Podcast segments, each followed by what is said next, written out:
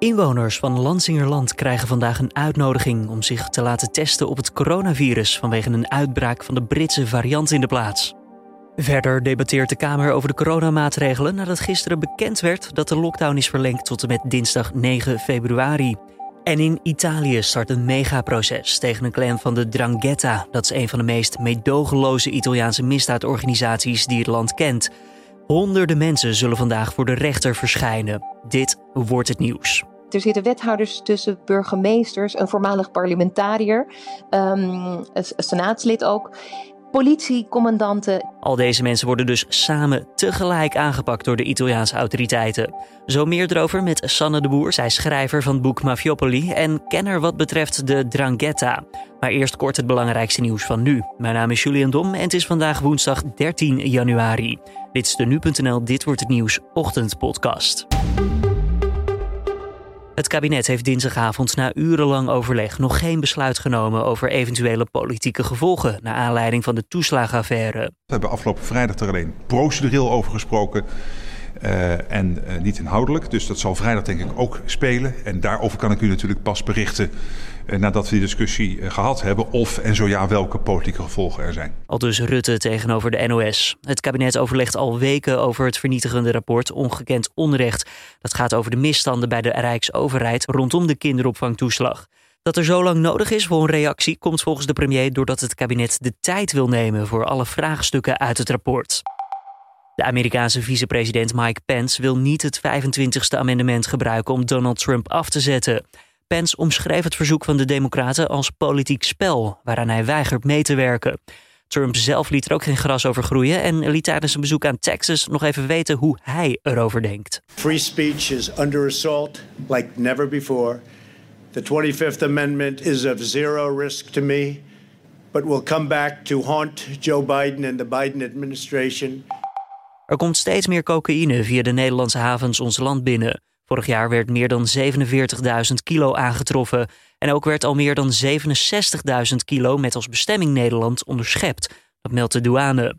Verder wordt ook Schiphol gebruikt voor het versturen van de drugs. Naast zo'n 1100 kilo kook werden ook duizenden postpakketten en brieven onderschept met synthetische drugs daarin. Een gebied ter grootte van ruim 10 keer Nederland is tussen 2004 en 2017 ontbost. Dat meldt het Wereld Natuurfonds. Tropisch regenwoud moet vaak plaatsmaken voor landbouwgrond. En vooral de Amazone in Brazilië heeft het hard te voortduren. Verder staan Paraguay, Argentinië, Madagaskar en Indonesië hoog op de lijst met landen waar snel veel natuur verdwijnt. Indirect zijn de Europese landen verantwoordelijk voor de ontbossing, al dus het Wereld Natuurfonds. En dat komt mede door de grote vraag naar producten zoals palmolie, soja voor veevoer en cacao. André van Duin is vorige week geopereerd aan darmkanker in het Antonie van Leeuwenhoek ziekenhuis in Amsterdam. Dat schrijft de Telegraaf. De 73-jarige komiek maakt het goed en is inmiddels weer thuis. Van Duin zegt in de krant dat hij tegen het eind van de zomer ontdekte dat er iets niet helemaal klopte. Hij zag namelijk wat bloed toen hij na een toiletbezoek achterom keek. Een jaar geleden verloor Van Duin nog zijn echtgenoot, Martin Elverink, aan de gevolgen van botkanker. Dan ons gesprek van deze ochtend. In Italië start vandaag het monsterproces tegen de Drangheta. Die naam betekent zoveel als moedige mannen. Opmerkelijk voor een van de meest meedogenloze Italiaanse misdaadorganisaties. Het is maffia op het hoogst mogelijke niveau. Meer dan 350 vermeende leden staan vandaag terecht in een speciale zaal en de beveiliging is tot in de puntjes geregeld. Ik sprak er gisteravond over met Sanne de Boer. Zij is schrijver van het boek Mafiopoli, waarin zij meer vertelt over de mysterieuze Drangheta. Om te beginnen, Sanne, eh, ja, om wat voor groepering gaat het hier precies? Kunnen we de Drangheta bijvoorbeeld vergelijken met de maffia zoals we die kennen uit The Godfather? Nou, de Drangheta is toch wel een stuk minder glamorous, zou ik zeggen. Uh, het zijn uh, mafiosi die heel goed zijn in niet opvallen. Dus ze zijn uh, ja, ook heel lang onderschat geweest als een, groepje lokale criminele families in Calabrië. En dat terwijl ze eigenlijk al in heel Italië hele stevige voet aan de grond hadden en ook in het buitenland. Dus ze hebben eigenlijk de wereld heel goed gefopt. Terwijl Cosa Nostra heel beroemd werd met die films en met hun geweld tegen de overheid, hebben, hebben de dranketisten van, dat, uh, ja, van die looten gebruik gemaakt om uh, heel groot te worden internationaal. En waar houden zij zich dan vooral mee bezig op het criminele gebied? Zij zijn echt de groothandelaars in de cocaïne. Dus zij um, importeren cocaïne uit Zuid-Amerika. Daar gebruiken ze ook heel graag de Rotterdamse haven voor. Um, dus ons land speelt een grote rol in, dat, uh, in die succesformule van ze. Daar, daar verdienen ze heel veel geld mee. En, die, en dat geld moeten ze natuurlijk weer in de ook weer in legale projecten um, investeren. Door wit te wassen, en, uh, en ook weer geld te verdienen natuurlijk met, met andere bedrijvigheid. Um, dat hebben ze echt als een, als een soort ja, succesformule ontwikkeld. En ze zijn ook heel goed in om in de bovenwereld handlangers te vinden en daardoor politieke invloed te krijgen, waardoor ze mooie overheidsaanbestedingen bemachtigen en dergelijke. Dat is een beetje het plaatje, maar dat is een heel ander plaatje wellicht dan je misschien meteen bij maffia voor je hebt. Hè? Nou, zeker. Want eigenlijk mijn volgende vraag daarop aanvullend, zijn ze dan ook gewelddadig? Nou, dat is eigenlijk best ingewikkeld om te beantwoorden bij de Drangheta, omdat ze Um, ze zijn wat minder openlijk gewelddadig dan andere maffiagroepen. Bijvoorbeeld ook de Camorra uit, uh, rond van, van, uh, uit Napels. En uh, ja, Cosa Nostra is bekend vanwege die bomaanslagen in de jaren negentig, onder meer. Maar de Drangheta is, is wat meer op de, in het eigen territorium gewelddadig. Um, zo is ook de clan um, Mancuso, die morgen in het proces, in het grote megaproces Rinashita wordt aangeklaagd.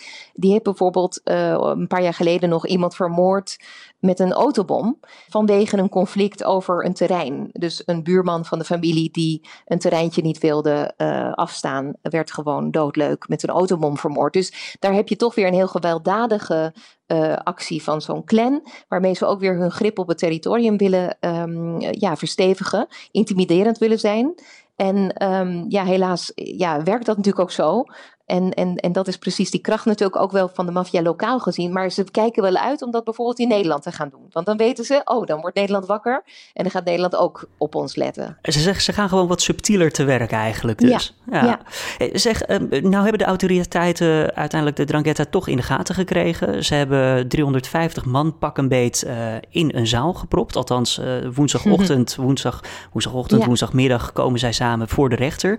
Waarom zo'n hele grote groep tegelijkertijd? Tijd. Ja, dit is eigenlijk wat je de, overigens is de Italiaanse justitie al heel lang heel goed in het bestrijden van de maffia hoor. Dus het is natuurlijk een heel groot probleem, maar ze zijn ook wel heel, heel professioneel in het bestrijden daarvan. En de laatste jaren zie je in Calabria eigenlijk dat er steeds vaker hele grote processen, eh, dus uh, heel grote groepen arrestant, uh, gearresteerden tegelijk worden, voor de rechter worden gebracht. En dit is dus een, een, nog groter proces dan anders. En het gaat eigenlijk om een groep die um, allemaal gelinkt is aan een bepaalde hele machtige clan. En dat is de clan van de familie van Mancuso, maar er zijn ook wel andere Drangheta-families aan verbonden. En er is een hele grote grijze zone omheen van handlangers in de politiek, in het bedrijfsleven, bij de banken, financiële wereld en, um, en in het lokale bestuur. Um, er, zitten er zitten wethouders tussen, burgemeesters, een voormalig parlementariër, um, een senaatslid ook politiecommandanten. Dus je ziet eigenlijk die, uh, dat hele groep ook rond zo'n clan. Iedereen die meedoet eigenlijk. Iedereen die zich schuldig maakt dus aan het ondersteunen van die maffia. Um, die hebben ze meegepikt. Maar is het dan een stukje showmanship vanuit de autoriteiten? Van kijk nee, ons eens? zeker niet. Ze zijn allemaal aan elkaar verbonden. Dus als je eenmaal over hun uh, uh, misdrijven praat, dan dan kun je eigenlijk ook dat plaatje niet uh, loszien van, uh, um, van een ander crimineel plaatje wat er aan gelinkt is. Het is juist een hele uh, um, ja, logische, eigenlijk zou ik bijna willen zeggen, aanpak. Want je wil een crimineel netwerk Hè, is een crimineel netwerk. Je wil een criminele uh, groep met elkaar veroor laten veroordelen. Anders kun je wel leuk eerst een bos apart nemen. En, maar je kunt hem eigenlijk ook niet veroordelen zonder dat je zijn positie in die clan bewijst. Dat is ook een beetje het systeem. Ja, daar zeg je het woord al, bewijs dat het bewijs glashard zal zijn wat de autoriteiten overhandigen aan de rechter. Oftewel van ze kunnen er bijna niet omheen, deze mensen zijn schuldig. Ja, dat is, dat is wel te vermoeden. Je hebt altijd hele duidelijke afgeluisterde gesprekken waarmee de, het uh, Italiaanse OM komt. Ze hebben behoorlijk wat vrijheid in het afluisteren van deze figuren. En daardoor, nou, je oren, oren lopen, we gaan wel eens klapperen als je hoort wat er allemaal wordt uh, gedeeld in, in die gesprekken. En, Heb je een voorbeeld? Ja, ze zijn ook heel. Ehm, nou, ik geloof dat in dit uh, letterlijk voorbeeld niet. Maar ik weet bijvoorbeeld dat er een bos is in deze strafzaak die um, voor een politiechef een voorkeursbehandeling regelde bij een arts.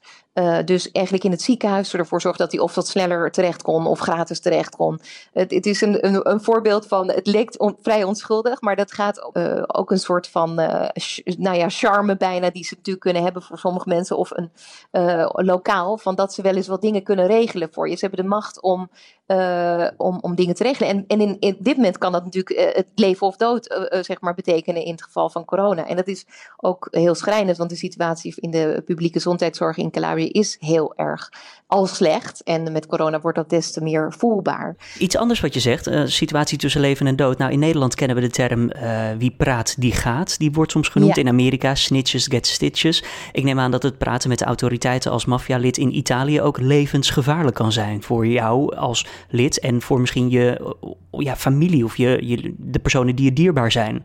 Zeker, zeker. Ik, uh, in mijn boek Mafiopoli uh, praat ik uitgebreid met een spijtoptant, Luigi Bonaventura, die overigens ook, ook uh, woensdag in het proces, ik weet niet of jouw woensdag aan, aan, het is waarschijnlijk niet woensdag direct ter sprake moet getuigen, maar hij zal getuigen in dit proces. Dat is een drangatist, die is uit de drangata gestapt vanwege, omdat hij dus eigenlijk niet wil dat zijn kinderen um, ook daarin zouden belanden. Dat is namelijk de de gewoonte bij de Drangheta. Je, je, je kinderen gaan in die organisatie. Het is heel erg op bloedbanden. Je groeit er gewoon in, ja. Ja, de, de, bloedbanden zijn heel belangrijk. Veel belangrijker dan bij uh, bijvoorbeeld Cosa Nostra.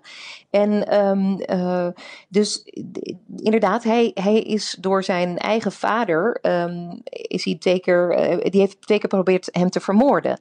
En um, hij, hij, vertelt ook dat hij... Hij zit nu in het getuigenbeschermingsprogramma, maar hij vreest nog steeds voor zijn veiligheid. Juist omdat de Drangheta overal in ingefiltreerd is. En hij heeft heel duidelijke signalen gekregen dat, hij, dat Drangheta gewoon weet waar hij woont. En, en dat maakt dat hij nu de, gewoon daarover, daarover natuurlijk ook heel veel um, naar buiten brengt, um, omdat hij dat uh, wil aankaarten. Maar wat interessant is ook morgen aan het, uh, ges, uh, aan het of woensdag aan het um, proces, proces, is dat er wel, wel 58 kroongetuigen zullen spreken. dus er zullen wel, dat zijn niet allemaal spijt op dank denk ik. Dat zullen ook figuren zijn van buiten de organisatie die ook, nou ja, dus met justitie zijn gaan samenwerken. Er zit ook een rechter bij, een corrupte rechter. En, um, en er zitten ook mensen van Cosa Nostra bij en Camorra. Um, want er zijn niet zo. Eh, dat klinkt als heel veel. Uh, en ik verbaasde me er ook eigenlijk wel over. Want de Drangheta is juist eigenlijk ook bekend vanwege het weinige, het, het kleine aantal, uh, relatief kleine aantal van spijtoptanten. Juist omdat er zulke grote repercussies zijn um, als je naar buiten treedt. Je inderdaad. denkt al drie keer na voordat je inderdaad iets zegt. Ja, zeker. Zeg, ja. Um, is dit nou het megaproces, is dit, of tenminste, is dit megaproces nou ook uh, ja, een megaklap voor de georganiseerde criminaliteit in het land?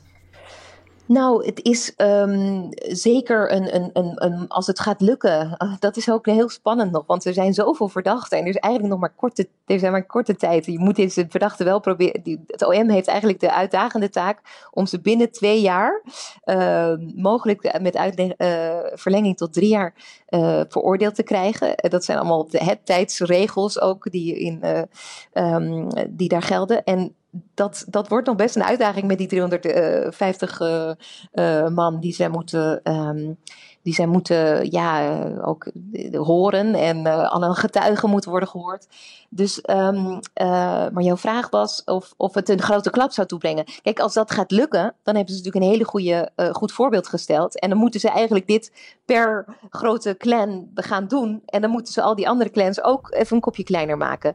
Zit dat er ook in? De, de, de wil is er zeker bij de, bij, bij de Italiaanse justitie. Het is altijd wel geldgebrek. En ook vooral, um, ze hebben het buitenland nodig. Ook in deze, in deze zaak zie je. De arrestaties zijn geweest in heel Italië, in elf verschillende regio's. Maar ook bijvoorbeeld in Duitsland, in Zwitserland en in Bulgarije. Dus zij hebben uit, uiteindelijk, uh, uh, waarschijnlijk via Europees arrestatiebevelen, hebben zij een samenwerking gehad met andere landen.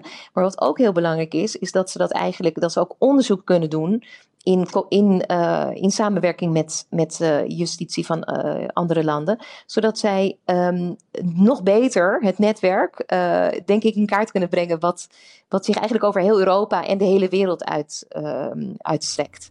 Sanne, als laatste vraag dan, want we gaan snel door de tijd heen. Um, je zegt, er is nou dus pak een beetje drie jaar de tijd voor dit hele proces. Denk je dan ook dat het over drie jaar, dat het drie jaar zal duren voordat we de eerste resultaten naar buiten krijgen? Of zullen de eerste kopstukken al voor die tijd veroordeeld worden? Nee, nee, nee echt pas aan het einde wordt er dan uh, wordt er een uh, vonnis uitgesproken. Eerder kun je dat niet verwachten.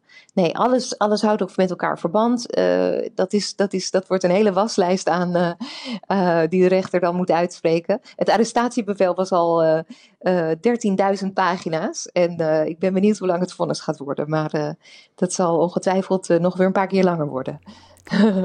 nou, top. Sanne de Boer, schrijver van het boek uh, Mafiopoli. Spreek ik het nou zo goed uit? Mafiopoli. Mafiopoli, sorry, ik deel het toch nog verkeerd. Mafiopoli, hartstikke bedankt voor je tijd en toelichting. En uh, ja, we houden deze zaak natuurlijk in de gaten. Goed, dank. Dan nog eventjes de nieuwsagenda van deze woensdag. Alle inwoners van de gemeente Lansingerland in Zuid-Holland... die krijgen een gerichte oproep om zich te laten testen op het coronavirus. Aanleiding is de uitbraak van de Britse variant van het virus bij een school in Bergse Hoek in de gemeente. Het is de eerste keer in Nederland dat er gericht extra wordt getest in een gebied waar een grote uitbraak is.